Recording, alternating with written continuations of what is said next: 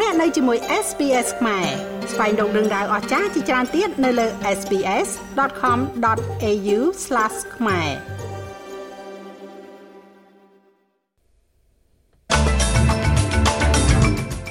បណ្ដាមេដឹកនាំលើពិភពលោកទៅដល់ប្រទេសជប៉ុនដើម្បីចូលរួមកិច្ចប្រជុំ G7 វិជ្ជបណ្ឌិតអូស្ត្រាលីម្នាក់ដែលត្រូវបានក្រុមភេរវករចាប់ឃុំខ្លួនអស់រយៈពេលជាង7ឆ្នាំត្រូវបានដោះលែង មេដឹកនាំបកប្រឆាំងរិះគន់ក្រុមកីឡាករនិងអង្គភាពនានាដែលគ្រប់គ្រងការបោះឆ្នោតសម្លេងទៅកាន់សភា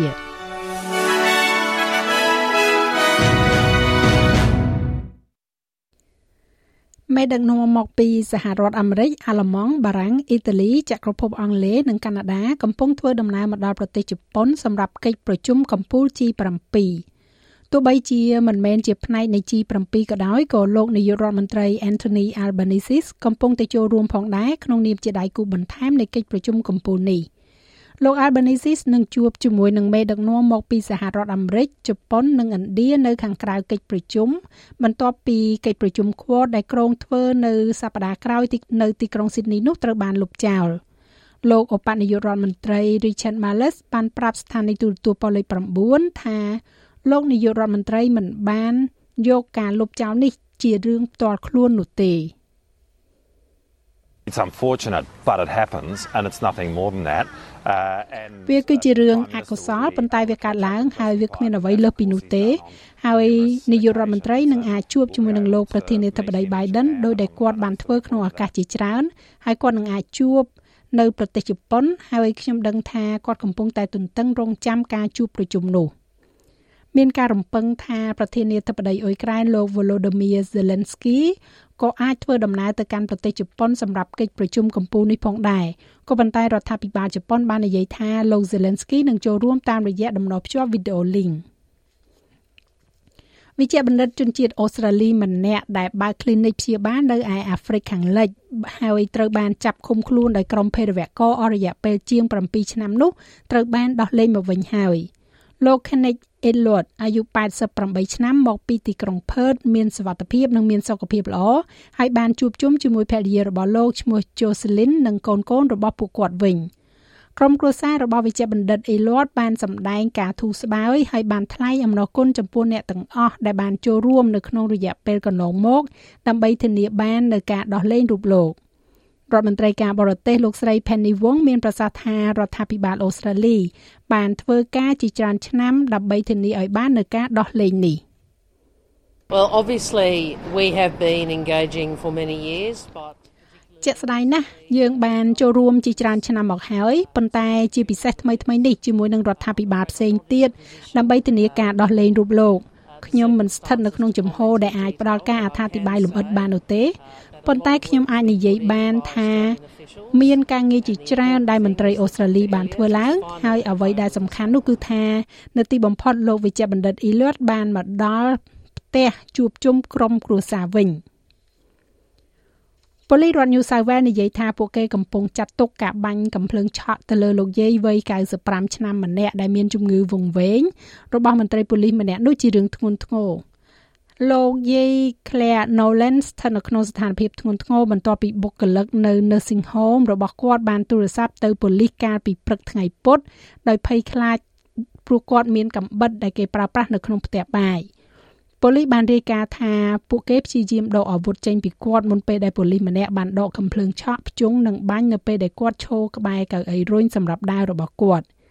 ជំនួយការស្នងការ Peter Cotter និយាយថាកំភ្លើងឆក់នេះត្រូវបានប្រើប្រាស់ដោយប៉ូលីសនៅក្នុងការការពារខ្លួន It is there as a piece of equipment to defend yourself វាគឺជាគ្រឿងបរិក្ខារមួយសម្រាប់ការពារខ្លួនអ្នកនៅពេលដែលអ្នកគិតថាជីវិតរបស់អ្នកមានគ្រោះថ្នាក់ឬក៏ជីវិតអ្នកដទៃស្ថិតក្នុងគ្រោះថ្នាក់ដែលអ្នកមានការភ័យខ្លាចនិងការគំរាមកំហែងដោយកម្លាំងលើរាងកាយនេះជាការស៊ើបអង្កេតយ៉ាងយកចិត្តទុកដាក់ដែលមនុស្ស ដែលក្រមមនុស្សឃាតកំពុងតែធ្វើការស៊ើបអង្កេតមេដឹកនាំគណៈបកប្រឆាំងលោក Peter Barton បានរិះគន់ក្រុមកីឡាករនិងអង្គភាពនានាដែលគ្រប់គ្រងការបោះឆ្នោតប្រជាមតិសម្លេងទៅកាន់សភា Voice to the Parliament កីឡា AFL, NRL និង Rugby Australia បានបង្ហាញការគ្រប់គ្រងរបស់ពួកគេជាសាធារណៈនៅពីក្រោយស្ថាប័នប្រឹក្សាជនជាតិដើមភាគតិចរួមជាមួយនឹងក្រុមកីឡាបុគ្គលជាច្រើនប៉ុន្តែលោក Dutton មានប្រសាសន៍ថាប្រជាជនមិនត្រូវការឲ្យ CEO នៃអង្គភាពកីឡា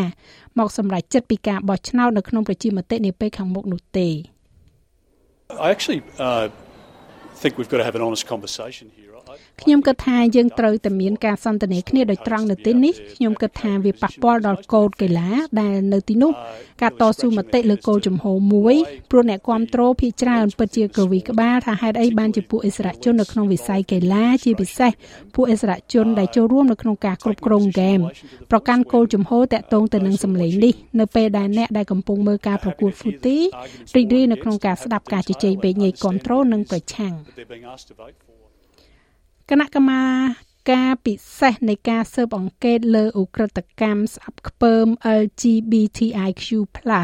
កំពុងតែស្ដាប់ផុសតាងនៅថ្ងៃនេះអំពីការស្លាប់របស់លោក Richard Slater លោកបានស្លាប់3ថ្ងៃក្រោយបន្ទាប់ពីលោកត្រូវបានគេវាយត្រង់ក្បាលនៅក្នុងបន្ទប់បង្គន់ក្នុងតំបន់ Newcastle នៅពេលថ្ងៃត្រង់ថ្ងៃទី19ខែធ្នូឆ្នាំ1980 លោកតានៅរដ្ឋ New South Wales រូបនេះត្រូវបានចោលប្លន់និងវាយដំយ៉ាងធ្ងន់ធ្ងរដែលការសាកសួរនេះនឹងស្ដាប់ឮថាប្រហែលជាដោយសារតែលោកត្រូវបានគេយល់ច្រឡំថាជាបរិសស្រឡាញ់ភេទដូចគ្នាចេញទៅខាងក្រៅពេលដើរទិញទំនិញបរិសវ័យចំណាស់រូបនេះដែលមានជំងឺក្រពេញ prostate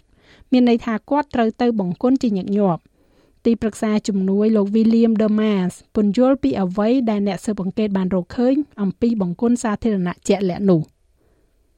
The toilet block in question was a known beat. បន្ទប់បង្គន់នៅក្នុងការសាកសួរគឺជាការវាយដំដែលគេស្គាល់វាទំនងជាថាអ្នកដែលគេសន្មត់ថាជាអ្នកវាយប្រហារលោក Slater ដែលទំនងជាមិនត្រឹមត្រូវដែលថាលោក Slater មានវត្តមាននៅក្នុងបន្ទប់បង្គន់ដើម្បីប្រើប្រាស់បង្គន់នោះខណៈដែលមានការវាយដំនិងប្លន់គាត់ខណៈដែលគេយល់ឃើញថាគាត់ជាគោលដៅដែលងាយរងគ្រោះ។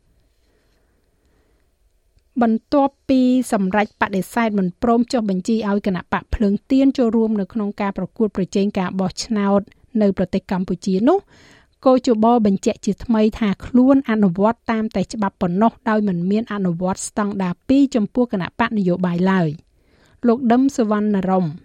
សមាជិកកោជបនិងជាប្រធានប្រតិកម្មរហ័សរបស់កោជបបានបញ្ជាក់ថាកោជប អនុវត្តតែទៅតាមច្បាប់ដោយគ្មានស្តង់ដារ2ចំពោះគណៈបកភ្លើងទៀននោះឡើយសេចក្តីចម្លងលិខិតបញ្ជាក់ការចុះបញ្ជីគណៈបកនយោបាយនៅក្រសួងមហាផ្ទៃដែលកោចបតម្រូវក្នុងដាក់ពាក្យគឺសម្ដៅទៅលើប្រកាសស្តីពីការចុះឈ្មោះក្នុងបញ្ជីគណៈបកនយោបាយនៅក្រសួងមហាផ្ទៃដែលមានបញ្ជាក់និស្សិតនគរកម្មមិនមែនគ្រាន់តែថតចម្លងកូពីជាការសាច់នោះទេ ចាស់ឲ្យលោកមេងផល្លានឹងជួនសេចក្តីរាយការណ៍លម្អិតនៅវគ្គក្រោយជាបន្តទៀតឬលោកអ្នកអាចចូលស្ដាប់របាយការណ៍ពេញលើគេហទំព័ររបស់យើងនោះគឺ sps.com.au/ ខ្មែរ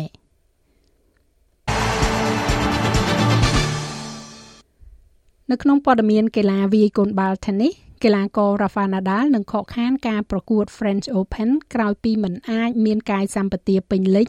បន្ទាប់ពីរបួសត្រគាកក្នុងព្រឹត្តិការណ៍ Australian Open កាលពីខែមករា ម្ចាស់ជ័យលាភី Roland Garros 14លើករូបនេះក៏បានប្រកាសថា ឆ្នាំ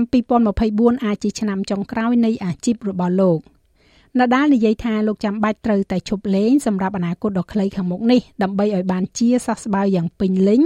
ហើយត្រឡប់មកវិញនៅអ្វីដែលលោករំពឹងថានឹងក្លាយជារដូវកាលចុងក្រោយរបស់លោក។ I would like to play uh, the things that are important for me and of course ខ្ញុំចង់លេងអ្វីដែលសំខាន់សម្រាប់ខ្ញុំហើយជាការពិតណាស់ការប្រកួតកីឡាអូឡ িম্প ិកគឺជាការប្រកួតមួយដែលខ្ញុំចង់ចូលរួមអ្នកដឹងទេខ្ញុំសង្ឃឹមថានឹងមានវត្តមាននៅទីនោះវាជាការប្រកួតចុងក្រោយរបស់ខ្ញុំឬក៏អត់នោះខ្ញុំមិនអាចនិយាយបានទេចំណែកឯអត្រាប្តូរប្រាក់វិញ1ដុល្លារអូស្ត្រាលីមានតម្លៃ66សេនដុល្លារអាមេរិកត្រូវនឹង2730រៀលប្រាក់រៀលខ្មែរ។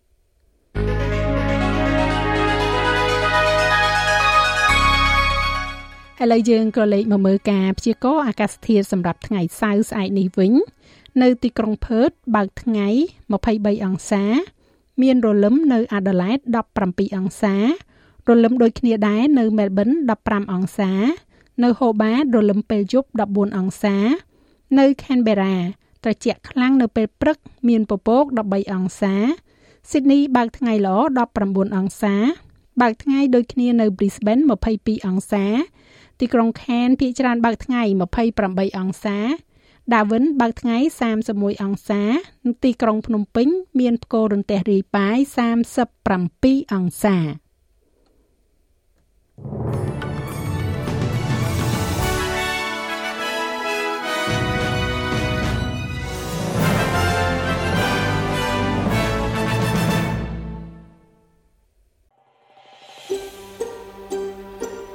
ង់ស្ដាប់រឿងក្រៅបែបនេះបន្ថែមទៀតទេ ស្ដាប់នៅលើ Apple Podcast Google Podcast Spotify ឬកម្មវិធីដទៃទៀតដែលលោកអ្នកមាន។